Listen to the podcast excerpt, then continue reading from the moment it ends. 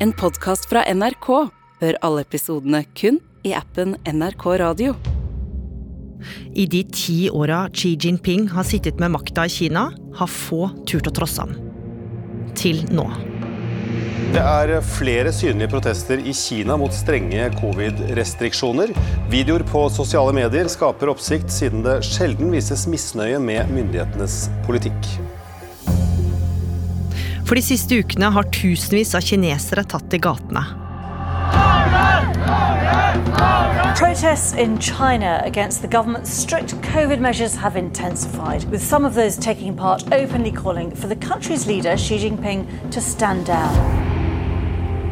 Hva er det som foregår? Du hører på Oppdatert. Jeg heter Gry Veiby. I høst så økte smittetallene dramatisk flere steder i Kina. I bygninger hvor det var smitte, så ble porter låst med kjetting, og dører ble til og med noen steder sveiset igjen. Philip Lote, du er NRKs utenrikskorrespondent i Asia og bor i Beijing i Kina. Og det var jo ikke akkurat lette restriksjoner folk skulle få tredd nedover huet på seg, for myndighetene og president Xi Jinping hadde ett mål.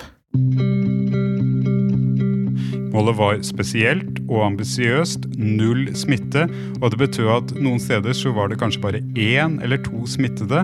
Likevel så satte de inn strenge tiltak og stengte folk inne.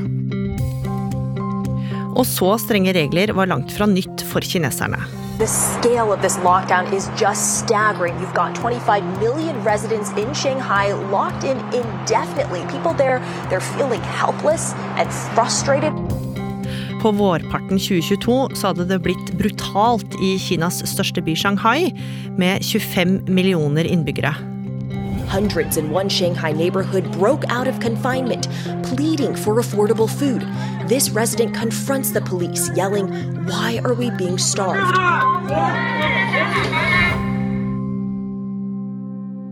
I 60 dager så stengte Shanghai ned. Det var knallhardt. Mange hadde problemer med å komme seg ut for å kjøpe mat, gå til lege. Noen sov i bilene sine for de var redde for å bli stengt inne. Og folk fikk jo ikke jobbet. Økonomien ble knallhardt rammet, ikke bare i Shanghai, men hele Kina. Og så begynte oljeprisen internasjonalt å falle pga. denne nedstengningen. Og med de nærmest umenneskelige forholdene som folka i Shanghai nettopp hadde vært gjennom, så var det mange som ble urolige da myndighetene flere steder i landet nok en gang rulla ut strenge restriksjoner. Og blant dem som fikk beskjeden om at det var nye tiltak på gang, det var deg, Philip. Og med det så endra hverdagen din seg også drastisk. Jeg var hjemme, det var en søndag, så ringer nabolagskomiteen. Det er det laveste nivået av maktapparatet i Kina, de som bestemmer over smittevernet lokalt, og de sa jeg måtte følge de nye reglene som hadde blitt bestemt kvelden før. Og Så ringte også politiet og sa at jeg måtte følge de samme reglene. Og så tok det ikke lang tid før de ble enda strengere, og de reglene de var ganske omfattende. Og iblant de nye tiltakene var massetesting. Hver dag så måtte vi gå til noen boder som var satt opp på gatehjørnet, åpne munnen, få en pinne inn i munnen eh, og teste oss. Først hver tredje dag, så hver eneste dag. Alle kinesere hadde en app, eh, og i den så kunne man laste opp hvilken helsekode man hadde. Hadde man testet negativt, så fikk man en grønn kode, Lima. Og da kunne man gå inn i bygg.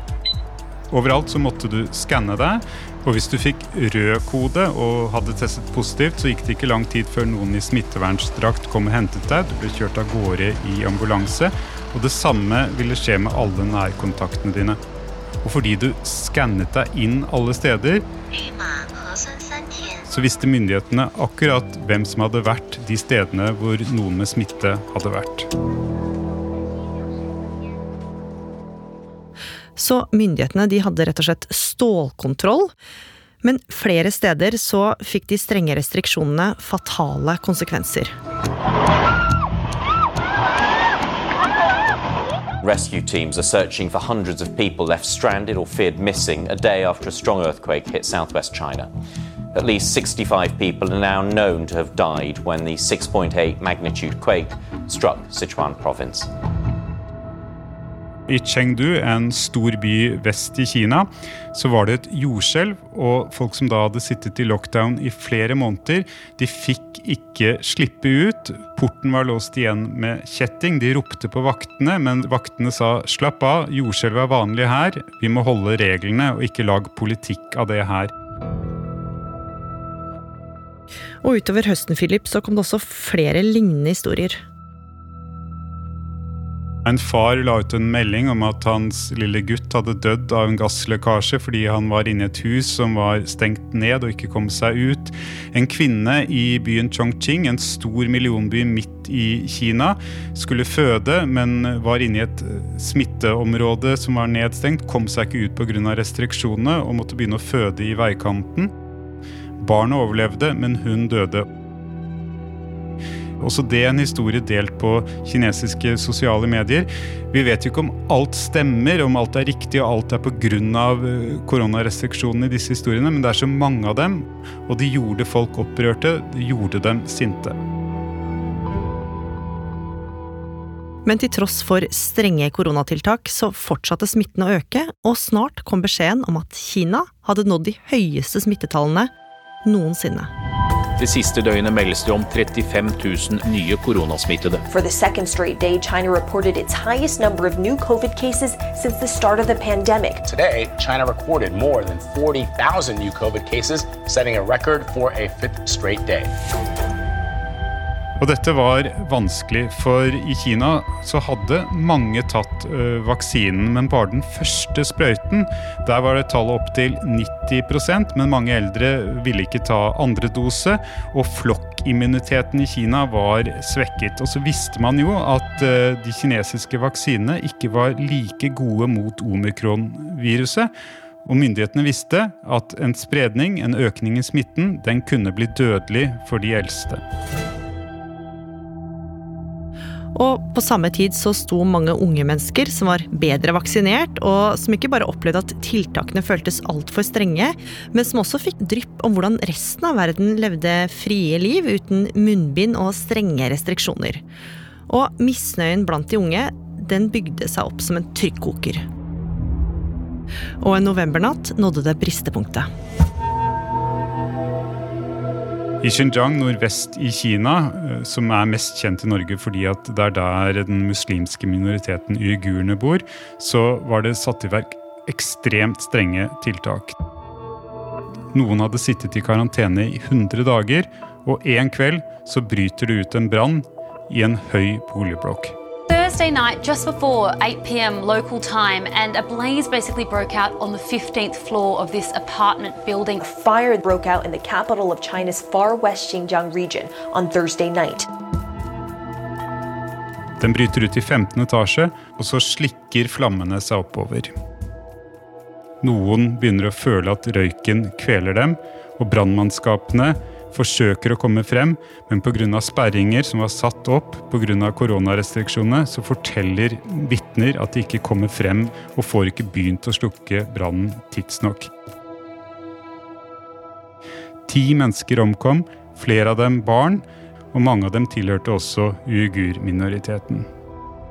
The deadly fire sparked nationwide outrage because widely circulated videos show that COVID lockdown measures very likely delayed firefighters from getting to the scene.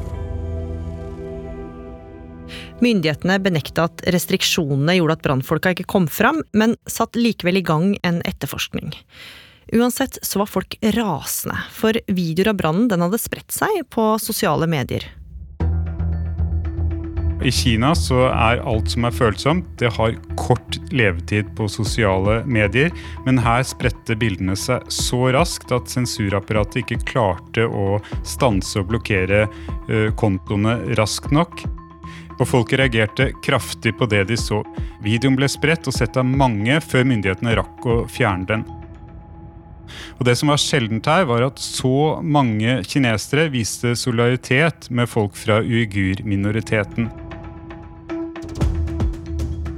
Men nå tok folk til gatene, og det oppsto flere spontane støttemarkeringer.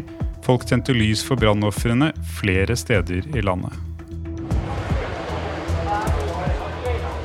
So I'm in the middle of the protest that's happening in Beijing. It's just past 1 a.m. There's a crowd of mostly young people that have gathered here to protest the COVID measures in China. They've been chanting no to COVID tests, yes to freedom.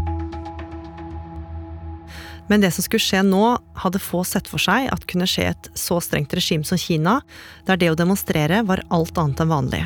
For markeringene vokste til store demonstrasjoner.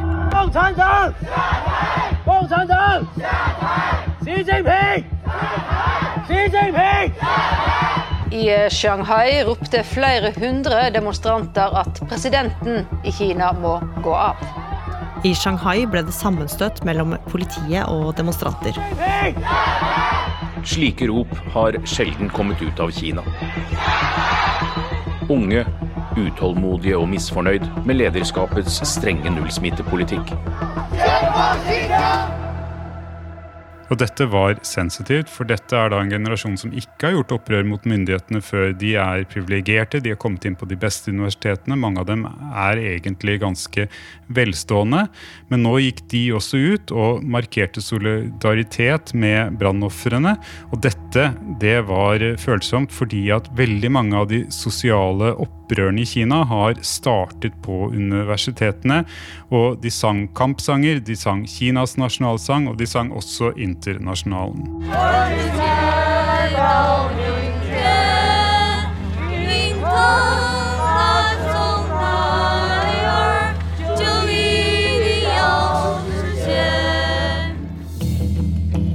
Mange av de som var med, tok en kjempesjanse, for dette var helt uvanlige protester. Og aldri noe man hadde sett under president Xi. Sivil ulydighet som Kina ikke har sett på mange tiår.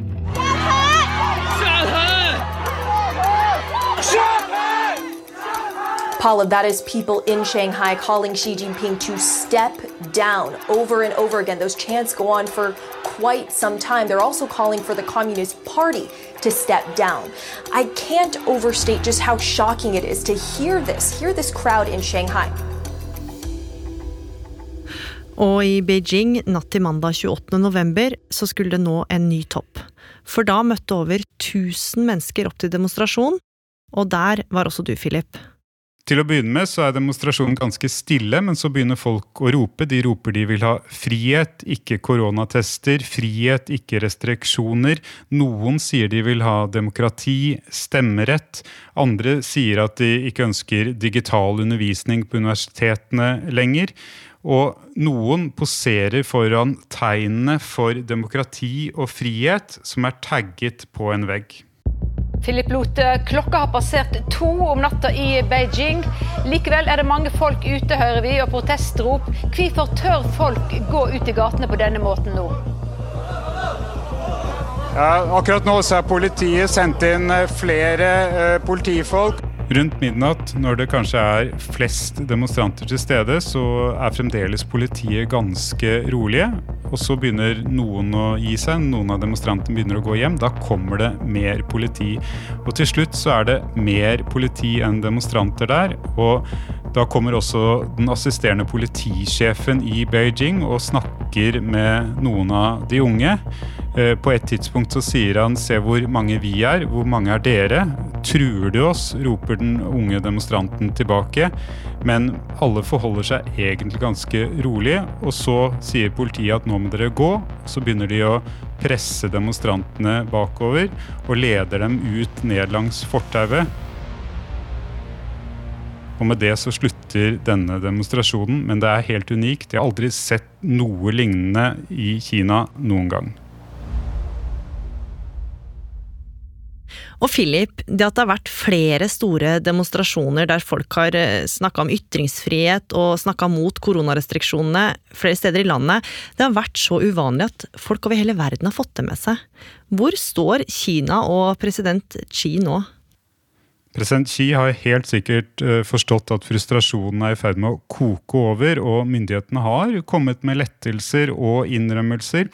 Det skal bli færre tester, karanteneforholdene skal bli lettere, og nedstengte nabolag er i ferd med å bli åpnet opp, og noen butikker og arbeidsplasser får lov til å åpne igjen. Men ikke på noe tidspunkt så har myndighetene vist til protestene som noen grunn til at de gjør dette.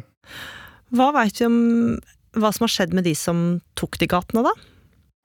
De unge studentene, noen av dem har blitt bedt om å levere skriftlige rapporter til sine universitet om, om de var til stede på demonstrasjonene og hva som skjedde. Vi vet at noen har vært inne til politiavhør, og at uh, noen har blitt bedt om å skrive skriftlige tilståelser. Uh, I Shanghai har noen blitt arrestert, og så vet vi at en rekke unge som har vært med på disse demonstrasjonene, nå sletter chattehistoriene sine så fort de kan for at uh, myndigheter og politi ikke skal uh, få vite hva de har gjort.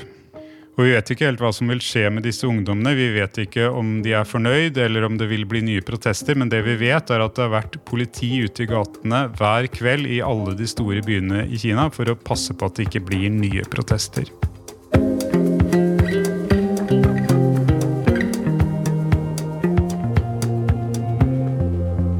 Oppdatert er en podkast fra NRK Nyheter. Og denne episoden den var laga av produsent Kaja Kirsebom. Lyddesign Espen Bjørlo Mellem. Vaktsjef Ina Swann. Og jeg heter Gry Veiby. Programredaktør er Knut Magnus Berge. Klippene du har hørt, er fra Al Jazeera, BBC, CBS, CNN, DW News, Euronews, The Guardian og NRK. Har du tips eller innspill, så må du gjerne sende oss en e-post på oppdatert krøllalfa nrk.no. Og du, liker du det du hører, så må du gjerne tipse en venn om oss. En podkast fra NRK. Hallo, hallo! Det er Ronny og Liv her fra vårt bitte lille julekott, hvor vi prøver å finne julestemninga. Senke tempoet, nyte tiden før jul. Bitte små blaff av takknemlighet. Er du nå midt i en stressende førjulshandel? Ser huset ut som et fullstendig kaos? Nelvik og jeg, vi er for å hjelpe deg! Den magiske julestemningen. Vi skal klare det. Jeg elsker jul. Julestemning med Live og Ronny hører du i appen NRK Radio.